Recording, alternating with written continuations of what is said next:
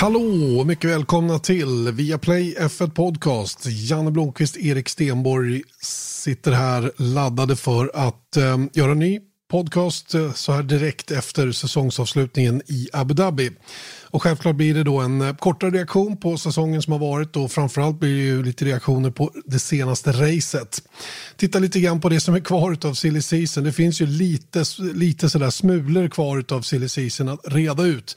En, en väldigt stor smula i och för sig då, det är ju vad som händer i Red Bull till exempel. Vi tittar närmare på line-upen för nästa år och går igenom lite grann hur, hur läget är. Och sen så blir det lite blickar också på den Young Driver-test som pågår just nu då idag tisdag när vi spelar in eh, nere i Abu Dhabi. Det sista som händer med de här bilarna faktiskt innan de går i, i vintervila.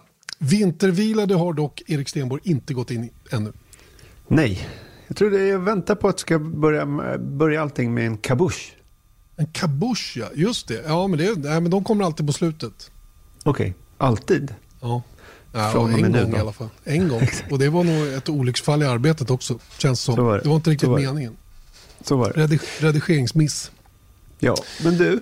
Ja. Det har gått en säsong. Ja, det har Återigen gjort. är vi i off-season. Det var en lång off-season vi var i. Och nu är vi där igen. Först hände ingenting på sju månader. Mellan Abu Dhabi 2019 och eh, Österrikes Grand Prix. Det var väl mer? Måste det ha varit. Det var ju i december och sen så, ja det är sju månader va? Ja, det har gått sju månader. Mm. Mm. Sen, gick det, sen kom det 17 race på fem månader. 23 veckor alltså. 17 på 23. Det är ganska bra tryck i kalendern. Det, det får man säga. Man stökade in det som normalt tar 300 dagar på 150 dagar. Hårt räknat då, eller grovt räknat. Eh, och eh, det är under alla avseenden väldigt, väldigt imponerande. Det som, det som man lyckades genomföra och på det, med den stringens som man faktiskt lyckades hålla protokoll och sådana saker under rådande pandemi. Mm, för vi, jag kommer ihåg det så väl när den här första liksom preliminära kalendern kom till den, ja, den omarbetade kalendern kom. Att jag kände ju i bakhuvudet att det här kommer inte gå. Det här kommer inte rulla igenom utan problem. Så att jag tror att okay, vi har 17 race på och sen tror jag att de kommer göra allt för att nå 15 med massa abrovinker. Men det blev ju precis som det var tänkt faktiskt. Ja, det får man ändå säga. 12 länder har vi besökt i världen och det tror jag är unikt för för all verksamhet i, i världen på något sätt eh, eh, så som det har varit under det här under det här året att man eh, trots alla utmaningar med att resa rent generellt har gått att åka med hela den här cirkusen, över tusen personer som då ska flytta på sig hela tiden då, och så otroligt få fall. Jag läste att Alfa Romeo hade gjort på hela teamet 7000 PCR-tester under den säsong som har varit. Mm. Hur många, hur mycket procent där då? Ja, det vet jag inte. Det var Känns nog, som en nyckelfråga. Tror, jag vet, det var inte alls många som, jag tror, ja, det, nu framgick det inte av det de redovisade hur många som hade åkt dit på det. Men vi, det låg ju på 0,09 procent eller 0,05 procent mm. Eh, smittade då totalt sett. Både för sådana som, som reguljärt finns i depån då, och även funktionärer och andra då, som också måste PCR-testas för att komma. Då. Så det har varit väldigt låga siffror trots allt. Eh, enbart eh, tre förare då som har befunnits positiva någon gång under säsongen. Eh, två av dem i Racing Point och, eh, och så då Lewis Hamilton här inför, inför näst sista racet i, i Bahrain. För min egen del är jag väldigt glad över att Resebyrå Stenborg AB kan stänga ner för vintern. Det har varit väldigt mycket jox. Apropå de där 12 länderna har det varit lite rörigt så att säga. Och eh, jag vet att det bara fortsätter för alla andra nu som ska ut och resa på olika sportevent. Vi åker ju till, eller vi, eh, Nent, eller Viasat, gamla Viasat, och är ju i Edmonton nu, delvis i alla fall för, eh, för eh, junior-VM och där har det varit rörigt och nu sitter de på i karantän på sina hotell och sådär också. Så att jag, jag är ganska, vad skönt att det är ingenting förrän kanske någonstans i februari när vi ska börja boka resor igen. Men, men hur mår du då rent generellt nu när det har gått de här månaderna? Du har fått samla intrycken lite grann och, och um, känt lite på säsongen som blev. Jag har läst många reaktioner som har tyckt att det här kanske var den bästa säsongen på länge. Håller du med om det? Nej, det gör jag inte faktiskt. Jag tycker att eh, det, det, är så himla mycket som är avhängt, i mitt huvud i alla fall, på att det faktiskt är en äkta fight till målsnöret. Eller det behöver inte ens vara till målsnöret, men det är i alla fall någonting som man kan hänga upp det på. Och det här var det liksom, det var väl efter halva säsongen som det var liksom, nu är det ju i praktiken över. Och det tycker jag spelar ganska stor roll. Sen, med det sagt, så har det varit faktiskt några, på så sätt håller jag med, att det har varit några riktiga rackarökare till race, vilket piggar upp såklart. Men någonstans så tycker jag att eh, en fight behövs hela vägen in. Och eh, det fick vi sannerligen inte. Hur, Nej, hur känner du tyvärr inte. Nej, men jag håller väl med. Det är, det är precis så. Eh, nu brukar det ju eh, vara så att jag lyckas hitta saker att bli intresserad av i alla fall. För att jag är inte, man är inte bara intresserad av vem som vinner VM. Oftast brukar det stå ganska klart tidigt vilka det handlar om och det är inte jättemånga förare, eh, om vi ska vara ärliga, som, som slåss om VM-titeln något år egentligen. Eh, I år stod det ju tydligt klart tidigt då att eh, det skulle bli Mercedes kanske mellan Mercedes-förarna enbart som, som fighten skulle stå. Den blev ju också avgjord tämligen tidigt. Då, så det har liksom inte i det avseendet varit någonting. Men jag har uppskattat mittfältsfighten alldeles vansinnigt och jag tittade lite snabbt på på konstruktörs-VM nu och konstaterar då att eh, det skiljer alltså 100 poäng mellan sjuan då, eh, Alfa Tauri på 109 och ehm, eh, lite knappt 100 poäng då upp till McLaren då som blev trea 202 och så oerhört jämnt däremellan. Eh, sen släpar ju då Alfa Romeo och eh, Haas-teamet med 8 respektive 3 poäng och Williams inga poäng alls. Men, men ehm, det, det, det, är sällan man har sett ett så jämnt startfält i mitten och, och vad de har bjudit på grejer faktiskt mm. under året som, som, som har stuckit ut med både vinster från mittfältsteam, eh, pole position från mittfältsteam eh, och, och, och, en massa spännande saker. Plus alla de här nya banorna då som, som kom till eh, som, som, eh, som en liten bonus för året. Mm, absolut, och det, det där är, det, nya banorna har varit en, en stor grej för mig tycker jag. Att, och att det känns lite lättsamt i vad man provar i Formel 1. Just den här två dagars helgen och, och liksom lite hur det har blivit sett i väder och allting sånt där också. Men det du säger där är ju att och, och det där är lite mitt, om jag försöker mig på en reflektion runt mitt egna sportintresse, är att jag är egentligen de enda faktiska matcherna eller eller tävlingarna eller vad det nu kan tänkas vara som jag tittar på, det är ju Formel 1 eh, och sen så annan motorsport generellt då. Men, men för min del är, och det är det som är bra med Formel 1, är ju att det är så mycket utöver så man kan liksom, jag menar vi kan göra den här äh, podden året runt fast jag menar, vi gjorde den i sju månader utan att ett race hade körts. För att det är så mycket som händer och det är så stort, det är stor politik på något sätt. Och det är nästan det som gör mitt sportintresse generellt. Att det är inte de faktiska matcherna eller tävlingarna alltid utan det är allting runt omkring som jag nästan tycker är minst lika intressant. Eh, typ så. Mm. Nej, men jag håller med. Det, ju, det blir ju en, det blir en, en till parameter att hålla koll på så att säga. Då, som, som naturligtvis inte alltid påverkar det sportsliga men som många gånger har påverkan på det sportsliga. Även om det inte har haft det allra längst fram så Eh, i många avseenden då, längre ner i fältet. Då. Vi, vi hade ju till exempel då Racing Point som, som dök upp då i Barcelona med en Mercedes-kopia.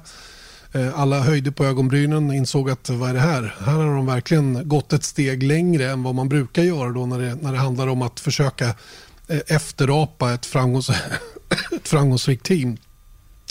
De hade gått så långt så att de hade gjort 3D, alltså fot fotograferat med 3D-kameror och allt vad det nu var för att försöka få till en så lik bil som möjligt. Och det här blev ju en snackis som vi, som vi hängde upp mycket på under den, den delen av säsongen som vi inte tävlade. Eh, och sen när den dessutom visade sig vara hyggligt konkurrenskraftig inledningsvis också och allt som blev då med de här luftintagen till bromsarna då, det blev ju protester som hängde kvar hela den biten. Eh, Racing Point blev av med 15 poäng, 15 poäng som de skulle ha behövt. Visade sig nu i slutändan. Vi spekulerade i det redan då att de där 15 poängen kan bli väldigt betydelsefulla i totalen när man summerar efter säsongen och så blev det ju. Mm. Ja, alltså, vi, vi, kan väl återkomma till det i en lite senare podd för en mer konkret season review eller vad man ska kalla det tänkte vi skulle ta hjälp åt av både Björn Wirdheim och Rickard Rudell som får vara med och eh, sammanfatta och varför inte göra det någon gång i mellandagarna då när vi eh, har lite lugnare precis efter jul.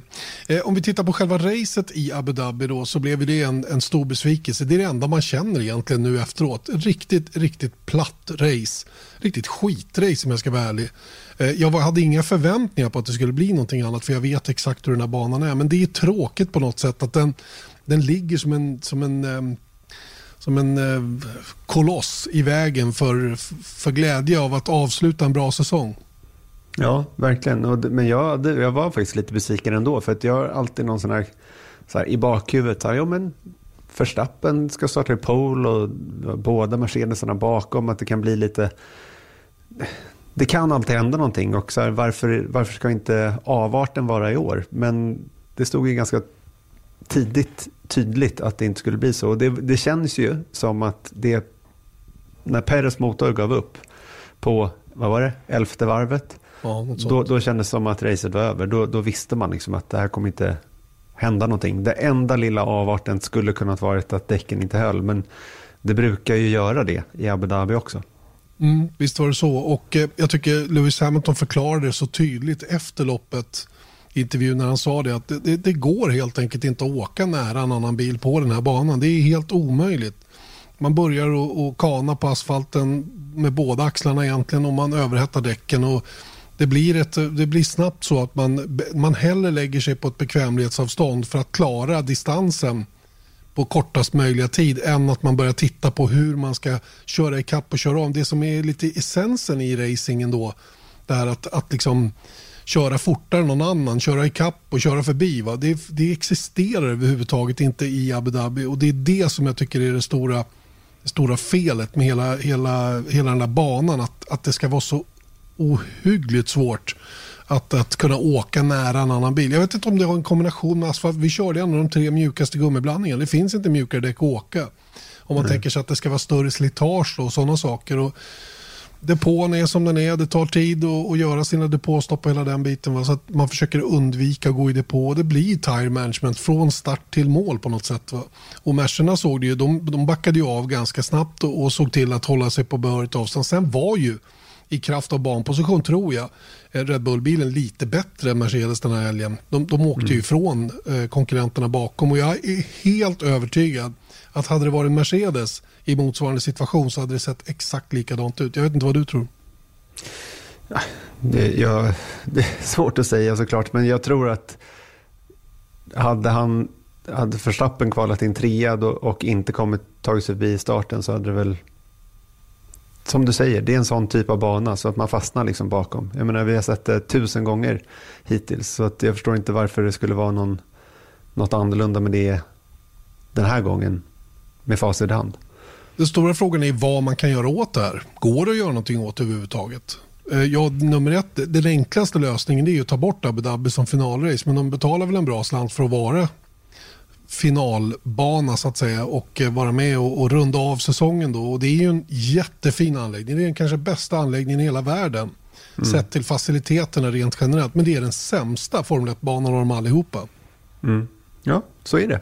Och det är det jag menar att det är inte någon, någon liksom så yttre faktorer utöver själva bansträckningen som är problemet i Abu Dhabi. För att jag menar, vi kan åka 45 minuter, eh, vad, vad, blir det, söderut eller något håll och så hamnar man i Bahrain där det brukar bli toppenrace på samma liksom, klimat och allt vad det är. Så det, det är ju verkligen bansträckningen och då tänker man ju på vi har sagt det, här, vi sa det redan innan helgen, men kurva 7, ut på den långa rakan, där är ju det stora problemet. Och det skulle i alla fall göra någonting extra med den här banan, ytterligare ett omkörningstillfälle, inte bara DRSen på första långa rakan och sen så ytterligare DRS på nästa. Utan skulle man liksom mickla till den där så, så att det verkligen blir en hårnål där. Då skulle mm. det kanske kunna se lite annorlunda ut. Och det jag har sett att det är många som har påpekat är att ja, men bansträckningen, alltså de, när de svänger vänster-höger och sen in i den jättelångsamma vänstern ut på långa rakan. Där finns det ju ett spår som de kan åka rakt fram. Men så som banan är, är lagd nu, eller snarare läktaren är lagd nu, så är det ett räcke rakt in där. Så att det går alldeles för fort för att de bara skulle öppna upp den banan och, och eh, bara svänga vänster. Så att antingen så skulle de behöva flytta hela läktarkomplexet bakåt eller så skulle man behöva svänga av tidigare.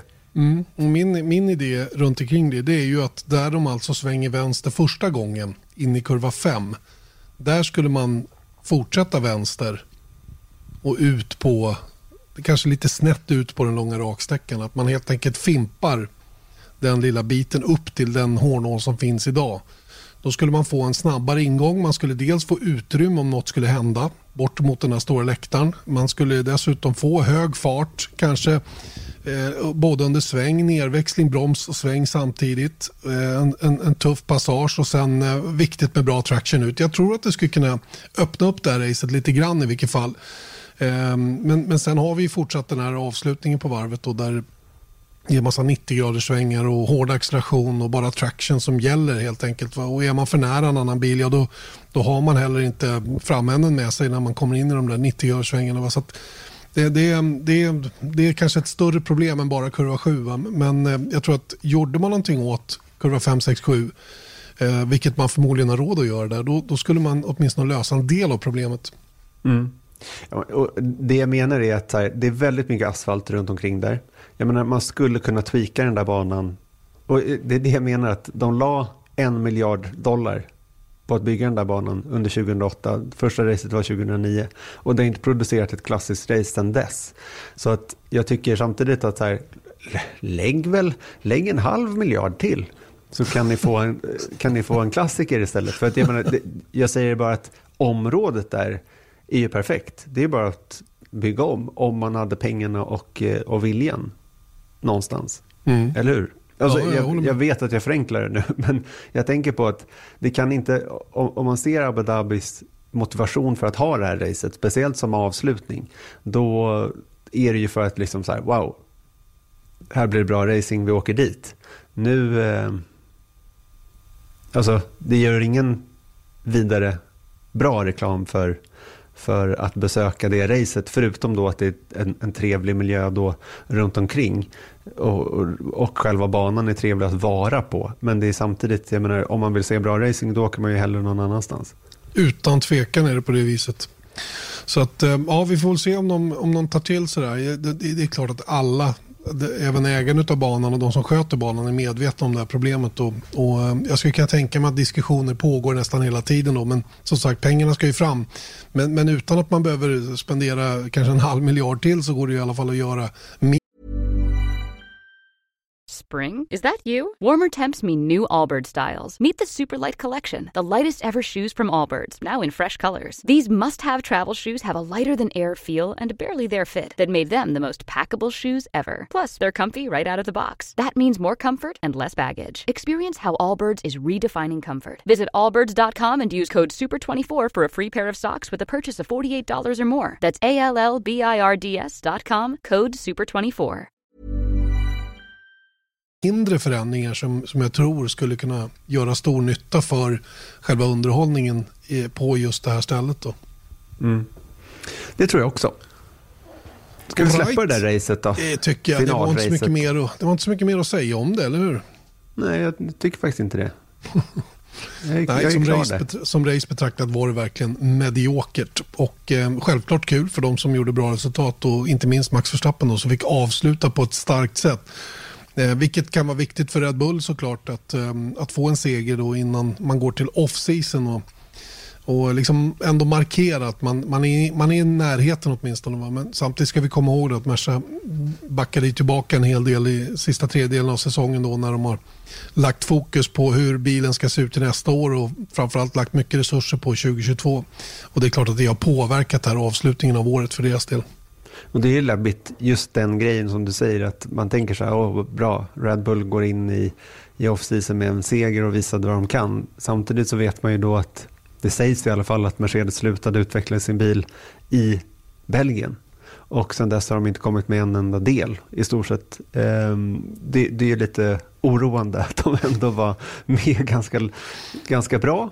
Ehm, under resterande delen av säsongen efter Belgien och sen så var det liksom på den gamla vanliga dängan då med Red Bull att ja, det är typiskt dem att vinna sista racet, inte första. Det var ju faktiskt lite rolig sån här liten banter på Twitter, såg du det? Eller om det var på Instagram, mm. jag kommer inte ihåg. Där, ehm, där ehm, Mercedes då sa att eh, de gjorde sina donuts efter racet och skickade bilarna ja, till, till retirement. Och då svarade ju någon, jag tror det var Red Bull då, som skrev att ja men Racing Point nu är era bilar redo för, ehm, för delivery. Och då Exakt. dök Mercedes upp och sa det att ja, Red Bull de är sena på det som vanligt. Liksom. Mm. All, mm. Always late to the party. Mm. Lite så är det ju. Ja. Du, Ja, lite silly season. ja, det är inte så mycket kvar men det är, en ganska viktig del kvar får man ändå säga. Det är stora namn där. Det får man ändå, det får man ändå eh, hålla med om. Och eh, framförallt Lewis Hamilton såklart. Som eh, fortfarande är kontraktslös då inför 2021. Men eh, det senaste vi har hört där är ju att eh, innan jul så räknar han med att ha det klart. Mm. Och jag tänker även på vilket har varit lite sådär skillnaden tidigare race tycker jag man har hört lite så här, ja men vi ska lösa det där, vi ska lösa det där. Men det finns ingen heller konkret runt så här, okej när, man tänker ju liksom vad, vad, vad är, what's the hold up? Eh, och så börjar hjärnan komma igång lite. Men jag tycker att det var lite skillnad den här helgen för att dels så kom ju ut den här um, anmäl officiella anmälningslistan kom ut under helgen och där står ju, jag menar Albon är inte med där, Perez är inte med där, eh, är inte med där, men Hamilton var med som anmäld förare. Eh, vilket då Toto Wolff förklarade som att ja, men han skrev bara dit Hamilton. Men jag tror inte att man gör det om man inte tror att det är nära förestående. Så att säga. Nej, nej. Ja, det, är, det är formalia helt enkelt att få till det där kontraktet. Det är de små sista detaljerna bara och de behöver väl ha lite tid när säsongen väl är över då för att sätta sig ner och göra det. Det kan också hänga ihop lite grann med pandemin tror jag att, att de har att de har velat skjuta på det lite. De vet vad de har varandra, de här båda parterna väldigt tydligt. Så det finns liksom ingen anledning för dem att, att, att stressa fram någonting just för att meddela omvärlden att nu har vi bestämt oss, nu har vi kritat på pappret. Utan de, de eh, kan ta sin tid nu att eh, sy ihop de här sista små grejerna då innan, innan Hamilton faktiskt skriver på då för en förlängning. Jag är bara nyfiken på hur lång den här förlängningen blir.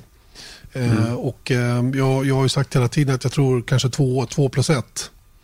Ehm, att han skriver för 21 och 22 för att testa på det nya reglementet en säsong också då, men, men sen en, en, en option på en eventuell förlängning då ett tredje år från båda håll. Eh, som, som, som då kanske inte används. Det vet man inte, lite beroende på vad som har hänt fram till dess då såklart. Mm. Så är det säkert. Eh, vidare då så har vi ju som sagt då ehm, eh, Alfa Tauri, eh, Yuki Tsunoda, japanen som kör idag för eh, Alfa Tauri tillsammans med Marino Sato, sin landsman, två stycken japaner. Vi ska komma till Young Driver-testen om en stund, men om vi bara tittar på situationen som är där i Alfa Tauri då där Pierre Gasly redan är bekräftad så är det fortfarande så att vi inte har fått något besked angående Yuki Tsunoda ännu då. Även om det har varit den kanske sämst bevarade hemligheten här under stor del av andra halvan av säsongen i vilket fall. Och Kviat var ju tämligen tydlig efter loppet i söndags att ja, han sa rakt ut att ja men de föredrar Tsunoda så det är som det är. Typ kring sin egen situation då som med, med största sannolikhet betyder att han inte finns på griden nästa år. Mm. Men likt eh, Hamilton där så kan man ju undra lite varför släpa på det här. För jag tycker liksom, ja, det är väl ens egna tankar att så här, om jag har en to-do-list på något sätt och så då vill jag stryka det där. Eh, så fort det är klart så vill jag bara liksom, okej, okay, bort och så gör jag någonting annat. Jag ser inte riktigt så här heller poängen i att vänta med Hamilton, vänta med Sunoda, om det nu är klart. För att vi har pratat om det som formalia i flera månader nu. Och varför då inte bara släppa det? För jag förstår om det var ett problem, det var ju ett problem runt Sunodas eventuella svårighet att få superlicens om man inte hade kommit på rätt plats i Formel 2-mästerskapet. Men nu gjorde han det. Och ändå så har det inte kommit någonting. Och nu sitter han i bilen idag då som sagt. Och eh, ändå så kommer ingenting. Jag menar, visst det kan ju komma om en kvart. Men ännu har det inte gjort det. Jag tycker Nej. liksom bara så här. Skippa liksom möjligheten att snacka runt det här. Men vad ska vi då prata om i podden menar du? Jo, men det är ju precis det vi gör, så visst. Men jag, kan ändå, jag förstår inte poängen med att hålla på, på vissa grejer. Jag förstår att om det är så timing, ska man åka till Japan, ska man göra någonting, ska man annonsera det samtidigt som eh, Honda går med på att eh, ge över sin eh, motor till, till, till Red Bull även fortsatt. Inte vet jag, men så det är säkert. Nu börjar alltid... du tänka lite kreativt där tycker jag. Jo, men det är ju det jag gjort hela tiden. Men det är därför jag menar att så här, om det bara var en renhårig så att säga förarkontrakt, då är det bara att signa på det där och släpp det. Men mm. det måste ju vara någonting mer som ligger runt omkring. Ja, det gör det sannolikt. Vi får se lite grann. De kanske tänker sig att, att meddela för båda teamen samtidigt. Det kan ju vara så också. Man har ingen aning. Men mm. min, min gissning i alla fall att Sunoda är klar redan och att han eh, nu har fått beskedet om att han kommer att, han kommer att köra för Alfa Tauri tillsammans med Pierre Gasly nästa säsong. Och att Kviat åker ut i kylan då efter att uh, här, den här säsongen är över och klar, färdigkörd. men då kommer vi till det andra teamet som då är ehm, ett intressant eh, spektakel, nästan kallar det, nämligen det här med vem som ska köra ihop med Max Verstappen till nästa säsong. Och här har det varit, eh, det har varit mycket lobbying kan man väl säga runt omkring Sergio Perez. Att han då inom citat förtjänar att köra Formel 1 nästa säsong och enda möjligheten till det så som det ser ut just nu är att göra det då i Red Bull istället för Alexander Albon.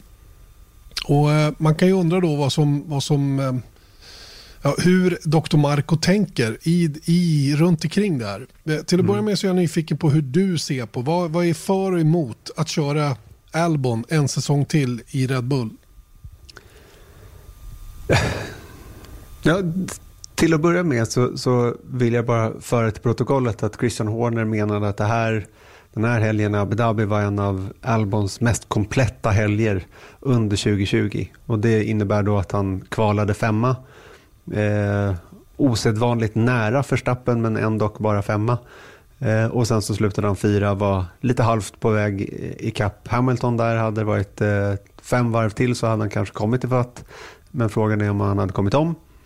Eh, ja, jag tycker det var, det var liksom en så här mellanmjölkshelg i min bok, även om den var den mest kompletta under 2020, vilket jag tycker säger ganska mycket. Och det enda jag kan tänka mig runt hela den här situationen är att av någon anledning, om det är den här äganska, thailändska familjen då som, som äger delar av Red Bull, om det är det som är, är kopplingen eller deras liksom vilja att hålla kvar i sitt förarprogram eller vad det nu kan tänkas vara, så tror jag att av någon anledning så vill Red Bull Racing behålla Albon men Albon själv har gjort det ganska svårt för sig själv genom att inte leverera på banan. För annars hade han inte kört 26 eller 27 race eller vad det nu är som han gjort om man jämför dem med Gaslys 12 starter som han fick bara innan han fick sparken. Och jag tänker bara på det som är svårt för Red Bull nu är att tänk dig att en sån som Ross Braun, alltså sportchefen för hela Formel 1, i krönikor på deras egna hemsidor säger flera gånger att det vore tragiskt om inte Perez var på griden 2021. Jag tänker liksom att det gör det svårare för Red Bull att säga så nej men vi fortsätter med Albon. Vi har mm. Perez här men, och han vill köra men vi skiter i det. Det är min eh, take på det. Det ligger mycket i det såklart. Um, um, och det skulle då tala för, uh, eller ja, det talar både för och emot Albons eventuella fortsättning i teamet. Då. Uh, vi kan konstatera att, vi tittar på Albon så har han aldrig varit den här riktigt stora stjärnan eh, egentligen. Vare sig i klasserna fram till, eller ja, inte i klasserna fram till Formel 1. Han var definitivt inte i GP3. Eh, han gjorde ju en säsong, eh, en hygglig säsong på slutet i Formel 2. Eh, när han då fick ta klivet in då och täcka upp för ett, ett gap eller ett tomrum som fanns i Dams och eh, hade race by race där i början på det året och lyckades eh, bli bättre och bättre det året och blev faktiskt trea i mästerskapet då, vilket var, tycker jag, en bra insats ändå. Och det, det var tillräckligt bra för att Red Bull skulle tycka att han var värd att satsa vidare på då i, i Toro Rosso. Han blev faktiskt um, återupplockad av Red Bull, för han hade ju blivit släppt av Red Bull innan. Exakt. Att, och sen så blev, plockade de in honom i förprogrammet igen. Lite likt Brandon Hartley. Ja, lite åt det hållet. Men, eh, men sen har det liksom inte riktigt... Eh, ja, han gjorde ett okej okay jobb i Toro Rosso såklart, vilket då renderade i den här chansen som han fick i Red Bull då efter Belgiens Grand Prix förra året. Men efter det så har det liksom stannat. Han, han har inte haft förmågan att sortera ut varför han inte kan åka lika fort som Max Verstappen. Det har varit ett konstant gap på ungefär en halv sekund hela tiden då över ett varv. Och, eh, jag tyckte inledningsvis att han ändå gjorde rätt så bra mm. race. Men även på det området så har det blivit sämre och sämre för hans del. Han är inte riktigt där överlag och verkar inte vara den föraren då som, som är smart nog att lista ut hur han ska ta nästa steg. Och Det här tycker jag talar emot en fortsättning för Alex Albon. En väldigt tydlig emotpunkt för hans del. Att han på så lång tid ännu inte riktigt har klurat ut hur han ska göra trots att han har fått ett, ett, ett längre förtroende i teamet då än vad till exempel Pierre Gasly fick. Mm. Sen tror jag att Pierre Gasly eh, gjorde någonting som, som eh, inte Red Bull var speciellt glada över när han var där och han var väldigt missnöjd med hur han behandlades i teamet. Eh, vilket gjorde att det kanske blev en kortare session för han än vad det egentligen borde ha varit för Pierre Gasly. Eh, men hur den var så, så fick Albon hoppa in och eh, det, det är väl det som, som liksom är hans stora brist helt enkelt. Att, att det tar för lång tid och den tiden har du inte i Formel 1. Samtidigt det som talar för att ha honom kvar är ju att eh, den thailändska kopplingen givetvis, stort ägarintresse från Thailand i Red Bull eh, är nog ändå, tror jag, en rätt viktig faktor i totalen om man ser till hela bilden. Eh, och det är väl möjligen den livlinan han fortfarande har kvar. Eh, och sen är det ju också det då att eh, det som Björn och jag resonerade under helgen där att eh, oavsett vem de stoppar in i den där bilen så är de sannolikt tvåa i VM även nästa säsong oavsett vem som kör bredvid Max Verstappen så länge Verstappen kör på den nivå som han gör. Så de har inte så himla mycket att, att, att vinna eller förlora på att ta in en annan förare. Men det teamet behöver är ju ett bättre riktmärke. De behöver en second opinion på den där bilen som Albon inte kan leverera. Han har inget att tillföra för teamet när det gäller att utveckla den här bilen vidare och det tror jag att en superrutinerad Sergio Perez faktiskt kan tillföra. Plus att han har ett skyhögt självförtroende, kör bättre än någonsin tidigare och, och, och är motiverad. Kanske inte supersnabbast över ett varv sådär va? Men, men oerhörd racecraft och eh, är ju en, en, en, eh, en expert på Pirelli-däck. Vilket inte heller är någon oviktig egenskap att ha. Eh, och eh, väger man ihop då, förlåt Erik, väger man ihop de här två sakerna för och emot för de här båda. För, för det finns ju några saker som talar emot Peres också. Han har en, en stark sponsorgrupp bakom sig som på något sätt vill synas eh, och, och figurera i Formel 1 på Formel 1-plattformen vilket kan vara svårt ihop med just Red Bull. Men, men, allt det här sammantaget gör ändå att det är, rätt, det är rätt tunga argument för att köra Peres trots allt eh, snarare än Alex Albon. Även om jag vet att jag sa i slutet på studion i söndags att jag tror att Albon blir kvar. Men vad jag tror och vad som är det rätta det är ju faktiskt två olika saker. Mm. Och det, där, det, du, det som du och Björn menade om att det inte är så himla viktigt 2021. Det tycker jag är ett ganska, jag, jag förstår och det är säkert korrekt det argumentet. Men samtidigt om jag som är allsmäktig och vet allt mer än vad Christian Horner och Helmut Marko gör till och med. Det är ju att man vet ju inte vad som händer 2021 heller.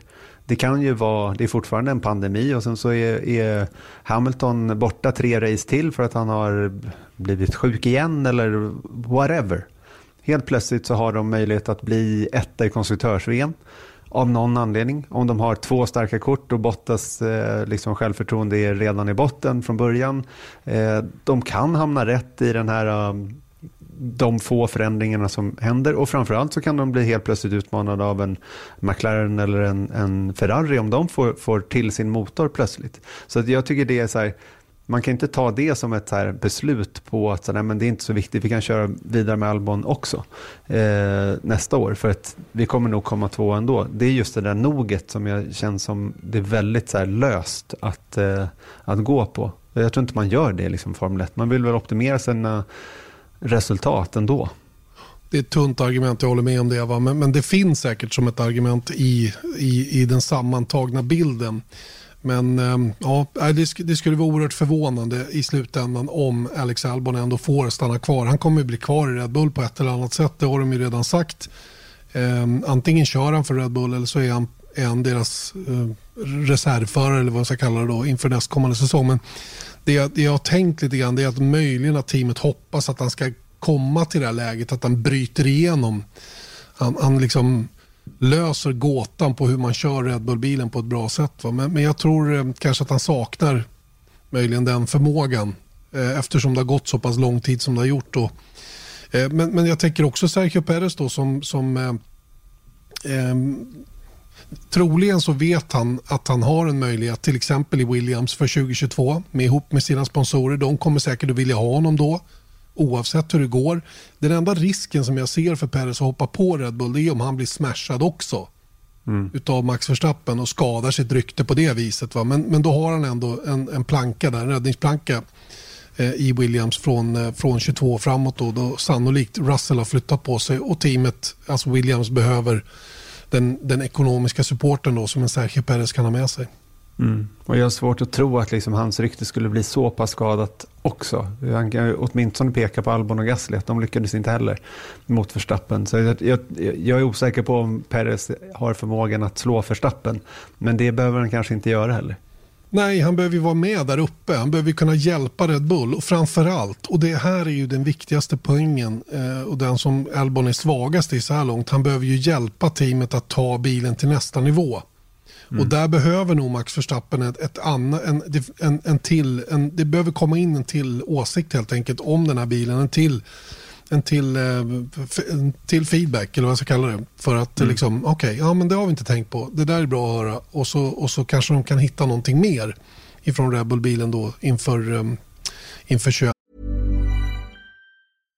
How would you like to look five years younger? In a clinical study, people that had volume added with Juvederm Voluma XC in the cheeks perceived themselves as looking five years younger at six months after treatment. Look younger, feel like you. Add volume for lift and contour in the cheeks with Juvederm Voluma XC. Reverse signs of aging by adding volume to smooth laugh lines with Juvederm Volure XC.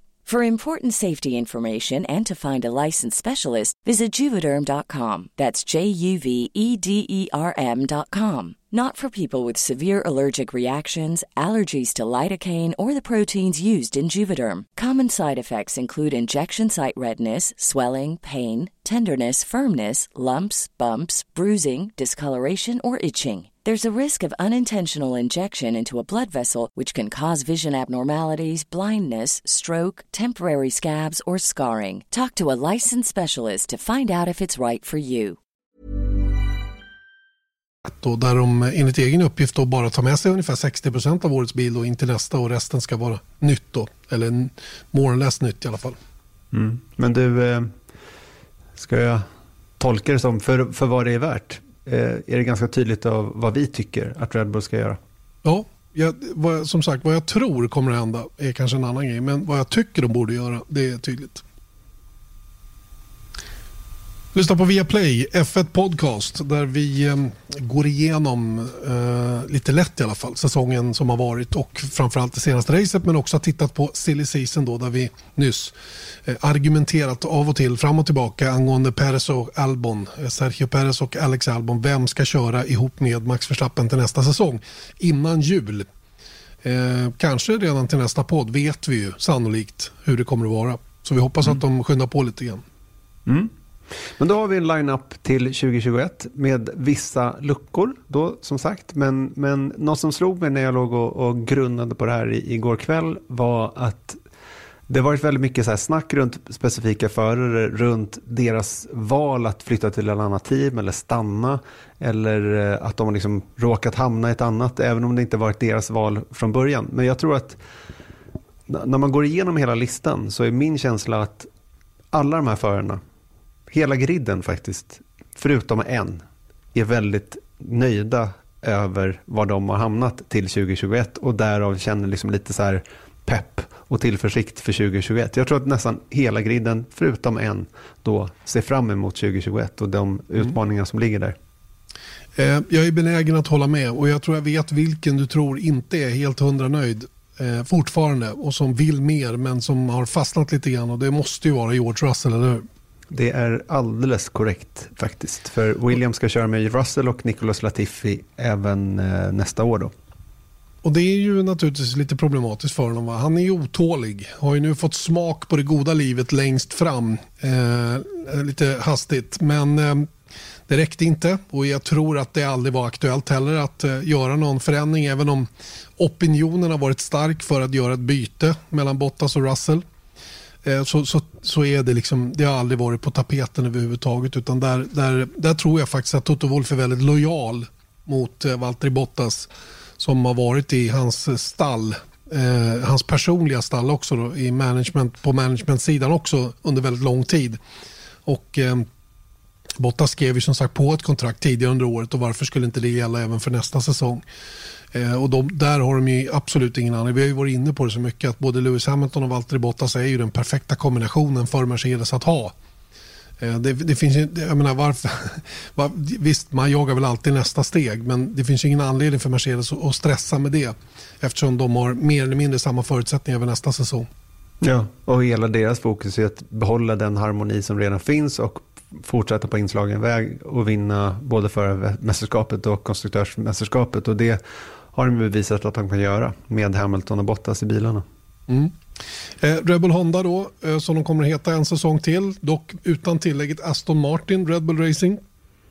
Eh, det vet vi ju kommer att flytta eh, själva Aston Martin-namnet då till eh, Racing Point istället. Men Red Bull Honda, Max Verstappen är nog hyggligt nöjd med var han sitter. Hyggligt nöjd säger jag, kanske inte till 100 procent. Han hade nog gärna varit ännu, haft ännu lite bättre förutsättningar. Men, men eh, de man har är goda nog sett till vad som finns tillgängligt. Sen har vi hålet intill då, det har vi redan avhandlat.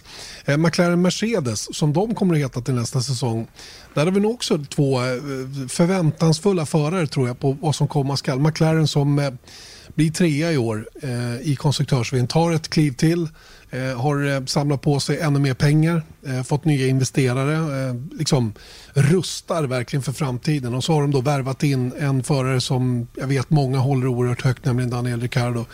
Så de har inte blivit sämre till nästa år. Och Lando Norris, vilken avslutning på säsongen och, och vilket starkt år. Han är ju bäst placerad i VM faktiskt utav McLaren-förarna i år. Mm, absolut, men vi, låt oss fokusera lite på Ricardo. För att sett till de diskussionerna som, som kom lite tidigare under året, framförallt runt Monza-tiden där när de var så jäkla starka helt plötsligt. De hade ju som en så här raketmotor plötsligt. Eh, och sen så föll de ju tillbaka lite grann. Men helt plötsligt såg ju de väldigt, väldigt starka ut och direkt kom då diskussionerna runt att så här, det här kanske inte var så himla smart av Ricardo att lämna fabriksteamet Renault om de har nu hittat den här nyckeln som de behövde till eh, inställningarna till bilen och gå till McLaren istället som vid det tillfället inte såg riktigt lika starka ut. Men med facit i hand då så tror jag att sett till vad McLaren är idag, alltså om man jämför med Ron Dennis McLaren för bara några år sedan, då tror jag inte Ricardo hade mått speciellt bra i McLaren. Men nya McLaren under Zac Brown och Andreas Seidel med de här Mercedes-motorerna som du pratade om, och liksom, de, har ju, de har ju blivit nästan lite det roliga teamet nu i jämförelse, något som kanske Red Bull var tidigare. Men nu är ju, är ju det mest lättsamma teamet som man upplever utifrån är ju McLaren och det tror jag passar en Daniel Ricciardo ganska bra. Oerhört bra skulle jag säga. Han är en perfect match där. Eh, och jag är så glad att du tar upp det där med McLarens attityd mot omvärlden. För den har ju verkligen förändrats. Det här teamet hade man ju man, eh, att gå till deras, ehm, till deras eh, motorhome i depån kändes ju frostigt och man, var sällan, man kände sig sällan speciellt välkommen in där. Och Tibet har man ju var nog svängt. inte speciellt välkommen in. Nej, det kanske man inte var, men man, men man försökte aldrig ens. För det är väl liksom bara, det har jag varit in på hundra gånger till, det var bara en stor spegel alltihopa. Och man kände bara att man studsade när man gick emot där. Men, men det har ju svängt något alldeles vansinnigt och inte minst med hjälp av en svensk faktiskt, Henrik Linnér som vi hade med i podden här för rätt, eller, ja, rätt långt tag sedan då. Eh, men, men som är en av anledningarna till att de framstår på ett otroligt kul sätt och den här senaste videon de gjorde då för att summera det här partnerskapet då mellan Carlos Sainz och Lando Norris eh, under året här, det ligger på deras YouTube-kanal, är ju en helt fantastisk liten grej som, som de gjorde då och som fick mycket uppmärksamhet också. Då. De, de fortsätter på samma inslagna väg. Va? Det, det finns en glädje i det där teamet som få andra team faktiskt kan erbjuda oss en insyn i i alla fall. Mm. Och framförallt för Ricardos del bra tryck i materialet. Mm, så är det ju. Och den här Merca-motorn som de får nu, Mercedes-motorn som de då tar över, det kommer att bli en utmaning såklart att, eh, att, eh, anpassa eh, eller resten av paketet för den här nya motorn. Det, det känns jättespännande faktiskt att se vad de har, har i kikaren framöver. Här. Även om det blir lite grann av ett mellanår nästa år, vilket risken finns för med, med anledning av det jag nämnde så är det ju ändå ett 2022 på gång och eh, att de rustar ekonomiskt på det sättet som de gör också tycker jag ser jättelovande ut. Jag är inte förvånad om de kan bli på samma nivå som Mercedes och, och, och Red Bull framöver. Nej. Någon annan då som jag tror är ganska nöjd med, med eh, nu säsongen över i alla fall. Att, jag menar få sparken från Ferrari är ingen dröm på pappret. Men, och då talar vi såklart om Sebastian Vettel, men sett till vad Racing Point var i år så finns det ju faktiskt chansen att Sebastian Vettel helt plötsligt kommer finna sig i en bättre bil än Ferrari har 2021. Och kanske lite mindre press på sig än vad man är. Som, liksom, en Ferrari-förare är ju det värsta man kan vara när det inte går bra tror jag. Medan här helt plötsligt så kommer han till ett ungt fräscht team som är glada att ha honom. Massa liksom, positiva grejer runt det teamet överhuvudtaget sett till vad de är idag. Och framförallt, återigen då, en, en riktigt bra bil. Mm, som gör att han kanske kan ta en och annan pallplats med den där äh, gröna bilen. Ja, jag tror att vi är dumma om vi räknar bort äh, Sebastian Vettel som förare i alla fall. Han har ju varit oerhört lojal, måste man ändå säga, mot Ferrari den här problematiska säsongen som det har varit. Då. Han har inte letat bort förklaringar egentligen. Jag tycker små antydningar om att bilen är vad den är, säger han. Och, och det, mm. det, antyds lite sådär mellan raderna att han kanske inte har haft samma förutsättningar till 100% som Charlie Leclerc har haft. Men samtidigt är han ju väldigt, väldigt noga med att påtala hur, eh, hur bra han tycker att Leclerc är. Och det är ju också naturligt när man får stryk såklart att får man stryk då är det lika bra att berömma den man får stryk av så att man inte själv ser allt för blek ut så att säga. Men jag tror att det har varit ärligt från Vettels sida att, att berömma Charles Leclerc som han säger är den största talangen han har sett under sina 15 år i Formel 1. Mm. Och det är roligt det där det du säger att en bra taktik också som förare när du slår någon är att berömma sin teamkamrat ännu mer och säga mm. att det är den bästa föraren jag någonsin. För då betyder det att jag är ännu bättre än den här föraren dessutom. Det är små tricks att använda sig av. Um, ja, jag håller med dig. Sebastian Vettel sitter nog ganska nöjd just nu. Då. Sett till att han faktiskt har bestämt sig för att fortsätta i Formel 1 så, så tror jag att han är, är väldigt nöjd med var han har hamnat. Det kommer att bli mycket uppmärksamhet runt Aston Martin i hela den här ny, um, nystarten som det blir för teamet under nytt namn, nya färger och hela den biten. Va? Och allt, han, allt han kommer att vara med om under den här resan när det här teamet ska byggas upp. Eh, Lance Stroll, eh, hur nöjd han är, det är, det är ju lite svårt att avgöra. Han har ju suttit rätt säker. Han, har ju vet, han vet ju liksom tidigt vad som händer i det där teamet då, i och med att han har ägaren hemma vid köksbordet. Mm, absolut, att, men det är det jag menar. Jag tror att han är rätt i sin situation ändå. Om man nu ska köra Formel 1 så kan han... Så, så jag menar, det är inget dåligt team att vara i. Tvärtom. Tvärtom.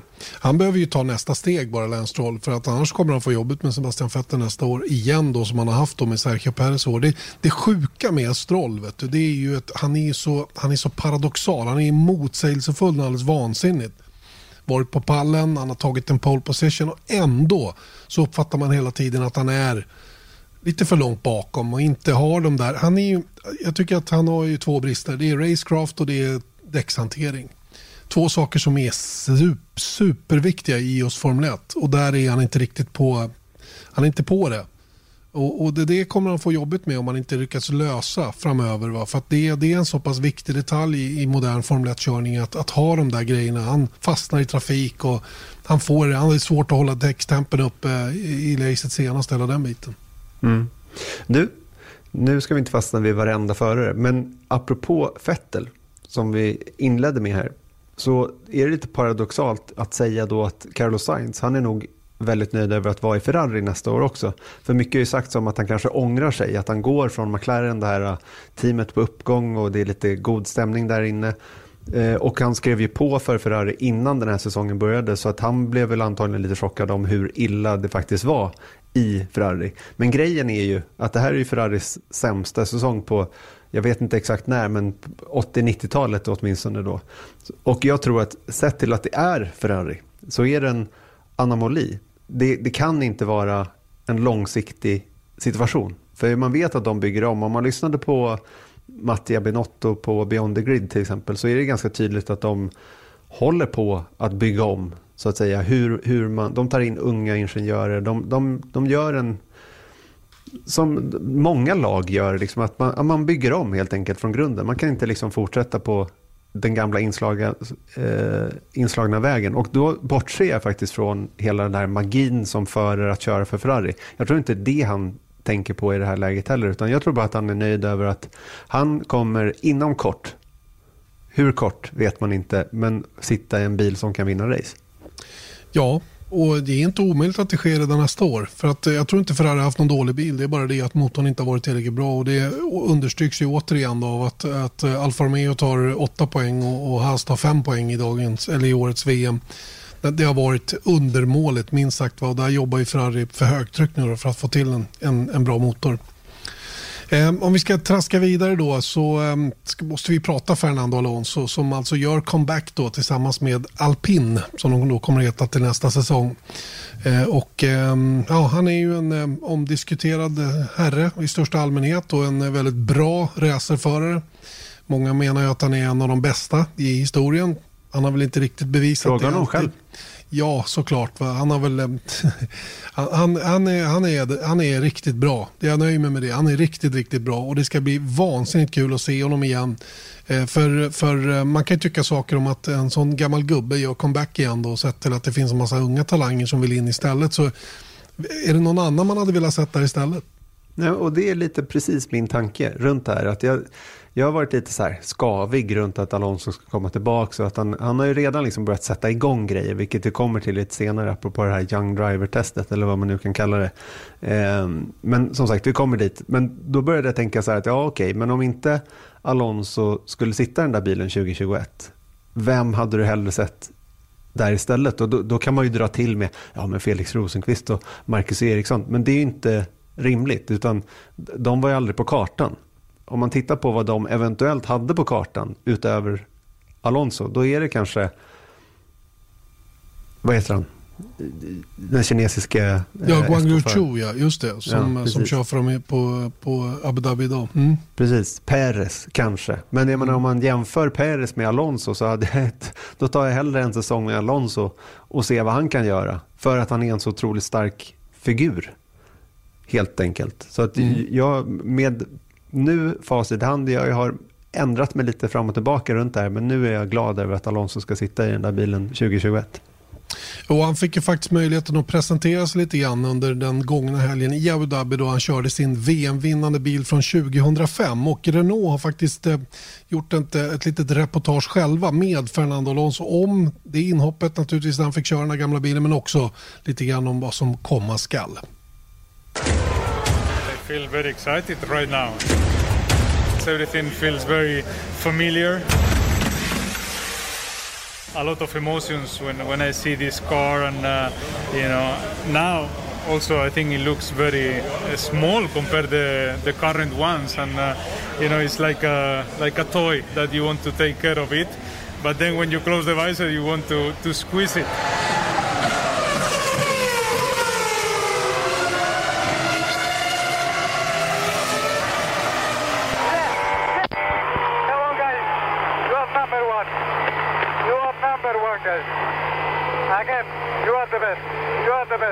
Lot of my uh, memories and my life is spent on these colors, with these mechanics, with this uh, sound that we will live once again now.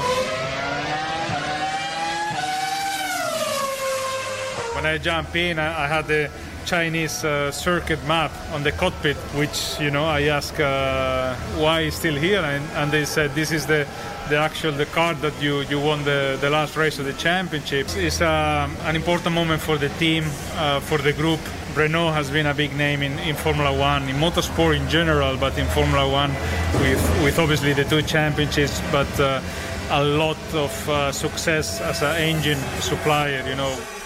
I'm happy to be back. We are all very optimistic for the future. I should be ready for uh, 2021. To change name and uh, to welcome Alpine uh, for next year, I think is a nice uh, moment, you know, to, to spend the last uh, Grand Prix of the year uh, remembering what, what Renault achieved in the in the last, you know, three or four decades in, in Formula One. Mm, Fernando Alonso där då som ser fram emot att göra comeback. Mm. Det var kul att se den där bilen igen faktiskt. Ja, det var ju, den fick genomslag i alla fall. Det är många som älskar V10-ljudet och, och motorerna som användes på den tiden och det är bara att hålla med. Det är svårt att, svårt att inte tycka om det där um, väldigt um, speciella soundet som den gav ifrån sig och jag har ju faktiskt haft turen att vara på plats och höra till och med 3,5 liters V10 när de körde en gång i tiden. Så det, det, det, man får rysningar av det, så enkelt är det. Va? Men, men att de skulle komma tillbaka det är ju en utopi. Eh, det vi har nu det är väl det som, som eh, vi får leva med framöver även om eh, Formel 1 kanske saknar lite grann eh, wow-feelingen då som fanns på den där tiden. Eh, om vi går vidare då i line-upen här så är det ett team då, eh, Haas, eh, som vi måste prata lite grann om. Haas som förstärker sitt samarbete med Ferrari. Eh, de kommer, Ferrari kommer alltså släppa en del av sin personal då att, att eh, flytta över till Haas-teamet istället. Hjälpa till att bygga deras bil. Eh, kanske fördjupa samarbetet med Dalara ytterligare. Eh, och man får ju också då eh, Simone Resta då som var chassi, chassiansvarig på Ferrari eh, efter att han gick ifrån den tekniska direktörsrollen hos Alfa Romeo. Nu tar han alltså plats hos Haas och de får in Mick Schumacher och då Nikita Mazepin. Mm. Till att börja med så kan man ju konstatera att det ska bli kul att se Mick, vad han kan göra i Formel 1.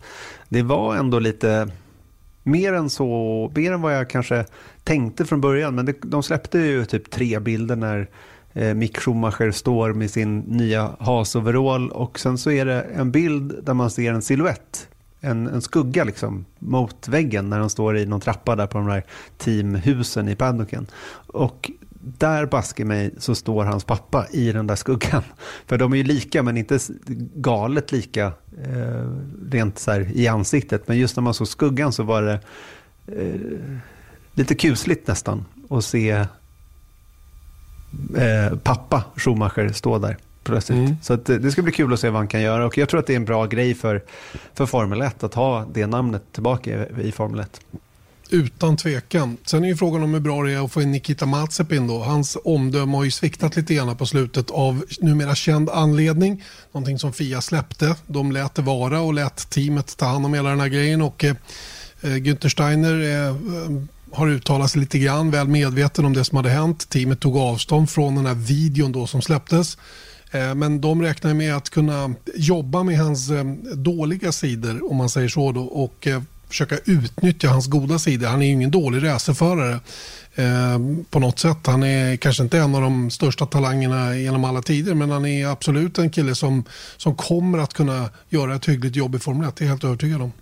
Mm. Ja, och jag, jag, vet inte vad jag ska säga riktigt om det han gjorde. Man, man kan väl säga att det han gjorde var helt enkelt att han släppte en, en film som kanske visar hans eh, lite privata karaktär, vilket finns ganska mycket frågetecken runt, eller knappt några frågetecken längre. Eh, han sitter i en bil helt enkelt och sen så kör de rätt fort i någon Porsche och sen vänder han sig upp eh, om och sen så sitter det en tjej i baksätet som han tar på brösten då medan han filmar och så lägger han ut det här på sociala medier. Det tycker Eller jag någon ganska... gör det. Någon gör det ja, men han, han, det är hans telefon i alla fall. Hans och, konto. Eh, ja, och han, han gör den här äh, grejen överhuvudtaget medan han filmar. Det tycker jag säger ganska mycket om en persons liksom, karaktär. Äh, och, och, inte bara att det inte ser bra ut, utan, utan det är ganska tvivelaktigt minst sagt, måste man ju säga. Och sen så vet inte jag riktigt vad, jag är för dåligt insatt i vad Fia faktiskt skulle kunna göra runt sådana här saker, men det, det, det ser ju minst sagt illa ut, för det är illa helt enkelt. Och eh, Ja, jag vet inte, vad, vad, mer kan man säga om det? Att, att, här, vad hade man önskat att Fia hade gjort i det här läget? Eller att Haas hade gjort i det här läget? Precis, och det är ju och det är, det är stora implikationer att göra någonting åt honom också. Då. Han, får, han har ju med sig en, en stor summa pengar då till teamet och det är ju naturligtvis någonting som försvårar för Haas att göra någonting åt situationen rent disciplinärt. Mm. Och, Men och även utan inte... det så vet jag inte riktigt vad, vad liksom, Nej. ska man sparka någon? Liksom, jag, jag säger inte att, det, att de inte borde göra det heller, men jag vet inte riktigt, kan man ens göra det? Förstår du? Mm. Rent kontraktsmässigt menar du? Ja, jag, inte vet jag. Så det är Nej. det jag säger, att jag, jag, vet inte heller om det är slapphänthet, men jag tycker verkligen att det som Has har möjlighet att göra är ju minsta fall att ta honom i kragen så in i helvete. Alltså, det har de så där, så där, ja. Jag är, helt övertygad om, nej, men jag är helt övertygad om att det här har man tagit på största allvar och bakom kulisserna så att säga har man verkligen i skarpa ordalag fördömt det sagt till honom att ska du fortsätta här i våra team då är det en helt annan nivå som gäller vid sidan av banan också. Och, um, sen ja, får vi inte se bara man... på kameran. Liksom, Nej, utan rent allmänt. Utan att han, han verkligen tar sig samman nu och, och utnyttjar den här chansen han har fått nu då, att, att köra i Formel 1 som hans pappa har då jagat så länge. Med, hjälp av sina miljoner och miljarder kanske också. Så mm. att eh, ja, vi får väl ge honom en chans då, även om han har börjat hemskt dåligt i vilket fall som helst som Formel 1-förare med anledning. Det, mm. det är där jag menar att här, maken till förmåga att här, samma vecka liksom, man, man blir annonsad som Formel 1-förare så går man ut och gör en sån där grej. Då, då är man ju... Man har en hel del kvar att jobba på. Onekligen. Eh, avslutningsvis då några ord om George Russell. Vi, vi var inne på honom då, att han kanske inte är så. Han är väl den minst nöjda föraren då över sin situation. Och, och självklart hade det varit kul att se honom i Mercedes. Nu är inte det möjligt. Han får kriga på ett år till i Williams och eh, göra det bästa av det så att säga. Det finns väl anledning att tro att även Williams kan kanske ta små steg framåt då med det nya ägarskapet och kanske lite, lite mer pengar i alla fall än vad de har haft tidigare. Då. Han skulle också behövt en starkare teamkamrat också som kunde utmana honom lite mer och se till att hjälpa till och, och föra teamet framåt. Mm. Så kan man säga det. Men jag tror att eh, vad gäller Williams så har de ju inte Alltså, jag tror att de har nästan större möjlighet att gå framåt än bakåt. Onekligen. Med noll poäng i år. Men jag tycker ändå man såg eh, att det tog steg framåt. De, jag menar, han var ju ändå i Q2 ett antal gånger och de, de, de var hyfsat bra över ett varv men fick inte till racen på den nivån som krävs för att plocka poäng. Och när man dessutom kör av bakom säkerhetsbilen när man ligger på poängplats så blir det inte heller några poäng. Nej. Så blir det. Sen kan vi bara eh, som en liten fotnot nämna Gasly också. Jag tror att han är nöjd över att vara kvar i Alfa Tauri, slippa den här grejen. Att, han har ju också sagt att han, han är redo att, att kliva upp i Red Bull. Det sa han i alla fall tidigare år igen. Att, eh, att han är redo att kliva upp där igen, eh, skulle jag säga. Men jag tror att han är rätt nöjd med att, att eh, fortsätta vara kvar i Alfa Tauri, lite mindre press. Och jag tror hans långsiktiga mål är inte att vara kvar i Red Bull-familjen ändå. Så då kan han kanske visa framfötterna på bättre sätt i ett lite mindre team och sen så kanske ta ett kliv upp till till exempel Renault som fransman. Det är lite kul det där med Alfa Tauri att de, de, de verkar i alla fall få köra sitt eget race lite grann. Eh, inte så starkt inflytande då från den högsta ledningen i Red Bull över det teamet utan de, de har fått en, en slant med pengar och göra det bästa av det och det gör de tycker jag på ett riktigt, riktigt bra sätt. Jag är otroligt imponerad av vad de lyckas prestera trots allt med, med det som de har tillgängligt. Då. Visst, det är samarbete med Red Bull Technology hela den biten, men de gör trots allt en egen bil och ser till att, att vara hyfsat konkurrenskraftiga med den. Mm. Hörru du, nu skulle jag vilja prata lite om den här Young Driver-testet. Som i varje fall i titeln heter Young Driver Test. Vilket har blivit lite konstigt. Så du kan väl dra lite bakgrund där till att det kanske inte riktigt är en Young Driver Test längre. Från början var det ju tänkt att vara en däcktest för Pirelli att testa 18-tums um, hjul inför de, det införandet av de hjulen då till nästa säsong. Nu vet det skjutet på framtiden och då kortade man ner den här testen från två till en dag istället och så bestämde man då att det skulle vara en så kallad Young Driver Test där förare då, unga förare med eh, tillräckligt med licenspoäng i alla fall för att få köra en sån här test eh, skulle få köra och man får också vara förare då som inte har gjort mer än två Grand Prix. Eh, men då startade ju, eh, eh, eller då, då blev ju till att börja med Alonso klar för Renault och självklart ville ju Renault att han skulle få chansen att testa deras bil i år redan och började ju ganska snabbt att trycka på hårt på FIA då att få tillåtelse att köra Fernando Alonso. Och när det då till slut lyckades så blev det ingen Young Driver-test längre utan då fick ju även en Stoffel van Dorn på samma grunder egentligen som Alonso då chans att köra. Har inte kört på länge men ändå tävlat i Formel 1. Eh, eh, Sebastian Boemi då som körde, det är ju rätt många år sedan han fanns med i Formel 1, är också där och kör och, och så. Va? Så att den har blivit lite konstig den här testen på det viset. Mm. Och det säger ju ganska mycket om vem Alonso är. Och det är det här jag menade att han börjat mickla redan i Formel 1. Det är att han har på något, och du säger inte att det är bara han som har gjort det. Men just den, det faktum att det är en Young Driver-test och på något sätt så klämmer han sig in där ändå. Det, det säger ganska mycket om den här äh, spanjoren. Och jag tycker typ det var det roligaste nästan jag sett i hela, när han blev klar för den här äh, Young Driver-testen för några månader sedan var det var att det släpptes en, en ganska rolig bild och han klippt in Alonsos ansikte på någon uppenbarligen ung skateboardåkare med en skateboard eh, under armen så står det bara Hello fellow kids.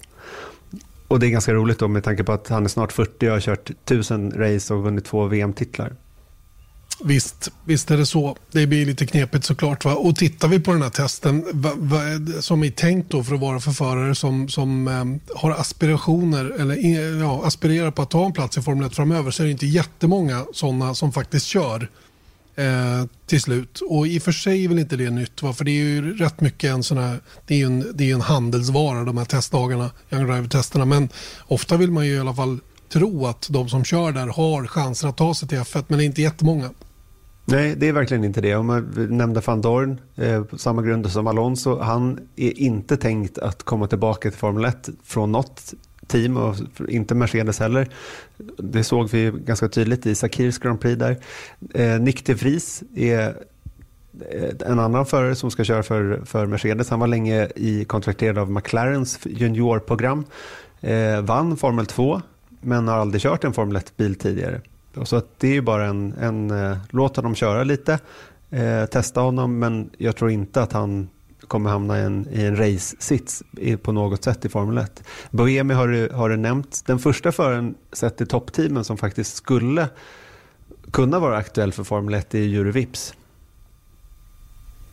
Juri Vips, ja, estländaren då som är Ferrari Junior, har superlicens och eh, får, han har alltså varit reserv hos Red Bull under året och, och var ju i alla fall, för, inte till i år, men till förra året så var han en kille som, som många trodde väldigt mycket på. Jag vet, Mika Salo jobbar ju mycket med honom då genom det här eh, SMP-programmet och Juri Vips eh, var påtänkt för, för tester med Alfa Tauri eller med Toro Rosso som de då hette då förra säsongen men det, det blev aldrig någonting av det där och sen så var han ju superformla i år eller skulle ha varit superformla. Eh, och har inte kunnat tävla där då av, av eh, pandemiskäl då, på, på det sättet som det var tänkt från början. Så att vi får väl se lite grann. Han står på tillväxt än så länge då i ett ganska magert juniorprogram som Red Bull har för närvarande sett till förare som är precis steget under Formel 1. Då. Mm. Och sen så har vi McLaren och Racing Point som inte ens är där. Och det är, förklaras i att de dels har de inte så många juniorförare på, i, i böckerna så att säga. Men framförallt så var de ju sura över att det här ändrades. Eh, och att Alonso fick köra. Så är det. Och eh, Racing Point försökte ju att få tillåtelse att köra Sebastian Vettel då, men fick nej på det. Och även Carlos Sainz ville ju försöka köra för Ferrari, fick också nej. Så att um, vi kan konstatera då att McLaren och Racing Point inte är på plats. Renault kör som, som vi sa då med Alonso men också kinesen då Guangzhou Chu. Han däremot skulle ju kunna vara en tänkbar kandidat för Formel 1. Han är ju Kinas stora hopp kan vi väl kalla honom.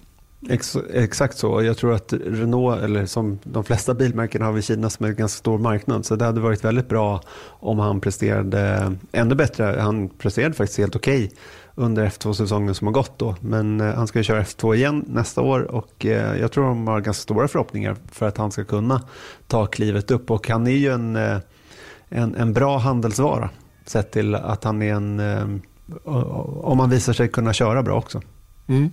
Eh, Ferrari kör då med Robert Schwarzman, ryssen eh, som eh, var med i Formel 2 i år. Debutsäsong i Formel 2, gjorde bra ifrån sig, skulle ha kört FP1 här i Abu Dhabi men eh, fick inte den chansen då eftersom det blev som det blev i Tyskland. Eh, och Ferrari kör även Antonio Focco då, som inte överhuvudtaget är påtänkt för Formel 1. Så där har man bara en tilltänkt, eventuellt tilltänkt Formel 1-förare då i, i line-upen. Eh, Alfa Tauri kör ju då med Sunoda och Marino Sato. Där är det framförallt Sunoda då, men Honda verkar ju trycka på rätt hårt där nu då eftersom de testar två stycken japaner. Mm. Och Det kan man ju se från två håll. Att dels att Honda har en del kvar att säga till om kanske. Men kanske också då att Red Bull och Alfa Tauri vill stryka Honda lite medhårs om de ska köra vidare med deras motorer även efter 2021. Då. När, mm. när Honda lämnar som eh, eh, ja, renodlad. Officiell, officiell leverantör, ja. Precis. Eh, Alfa Romeo kör med Robert Kubica. Han är ju knappast någon eh, tilltänkt numera. Eh, utan han, eh, han har ju passerat det. Eh, Calamilot kör den andra bilen. Och Calamilot däremot eh, har ju blivit lite stukad på något sätt i Ferrari-programmet Ferrari Driver Academy. Eh, låg länge i vinnarhålet i Formel 2 eh, och trodde nog länge att han hade en bra chans på att ta steget upp och jag tror att han också stökade till lite grann för Ferrari att bestämma sig för just Michael, eller för Mick Schumacher. Så att, eh, men nu visar det sig att det inte blir någon Formel 1 för hans del nästa år utan blir sannolikt kvar då i Formel 2 även nästa säsong. Men en, eh, en väldigt bra talang i alla fall. Eh, Haas kör ju då med Mick Schumacher för att förbereda honom. Inga konstigheter med det. Ingen Mazepin däremot som eventuellt skulle ha kört för Mercedes men Mercedes drog sig ur det där. Mm. Och faktiskt innan han publicerade sin fina video. Så att de påstår själva i alla fall att det inte har med det att göra. Williams de, de Eh, har Jack Aiken och Roy Nissani då, deras eh, Roy Nissani som har kört några FP1 och eh, Aiken då som fick göra inhoppet istället för Russell i, i Sakirs Grand Prix. Mm, och är faktiskt enda föraren under det här testet som faktiskt tävlat under året i Formel 1. Då. Men det man kan konstatera från hela den här listan då är att det är sju förare där som antagligen inte ska tävla i Formel 1 igen eller någonsin. Så är det. Det säger någonting. Så är det. Det säger någonting Kanske. om, om just den här Young Driver-testen. Ja, som, eh, som, ja, den blev lite ihålig kan man väl tycka då i år. Jag vet inte om det har varit fler kandidater andra år. Eh, av anledning som jag nämnde tidigare då, att det är lite grann en handelsvara. Har man 5 miljoner kronor eller vad det kan kosta, ja då kan man ju köpa sig den där testen och få vara med och köra lite Formel 1-bil. Vilket för många då är ett skyltfönster att få visa upp sig lite grann. Men som sällan leder till någonting om man inte dessutom har, kan backa upp det med fina resultat då i de klasserna man kör i övrigt. Absolut, och skillnaden är ju att eh, det är ingen young driver-test. Även om det har varit eh, lika många förare som kanske inte är tänkta att, eh, att eh, vad heter det? befordra till race-sitsar så är det ju inte några som har kört över 300 race till exempel. Kanske ska ha som någon föreslog en old driver test. Precis.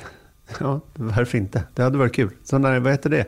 Grand Prix Masters. Masters. Ja, jag såg faktiskt en bild. Jag tror det var på Stefan Lillevs Johanssons ehm, Instagram. Där de hade lagt upp en bild från när han körde Ferrari och när han körde den här Grand Prix Masters. Så då frågade han eh, på, på Insta då, hur många år det var emellan. Jag tror det var 20 år emellan. Jag kommenterade de här Grand Prix Masters-racen. Det var ju en gammal Panos-bil tror jag med en V12-motor i som var brutalt tungstyrd. Och det var kul att se de där gamla stjärnorna med Nigel Mansell bland annat och Alan Jones tror jag försökte komma ner i en sån där bil vid något tillfälle. Och mm. Lillövers körde också då. Så det var ju lite kul på den tiden. Det finns inte kvar längre. Men du, Eh. då kanske vi är på väg in här i solnedgången i eh, Abu Dhabi och den här långa off-season. Jag tycker det, det känns väl som en bra början på det hela. Tycker jag definitivt att det är. Vi har ju eh, några poddar kvar innan vi byter år. Två till.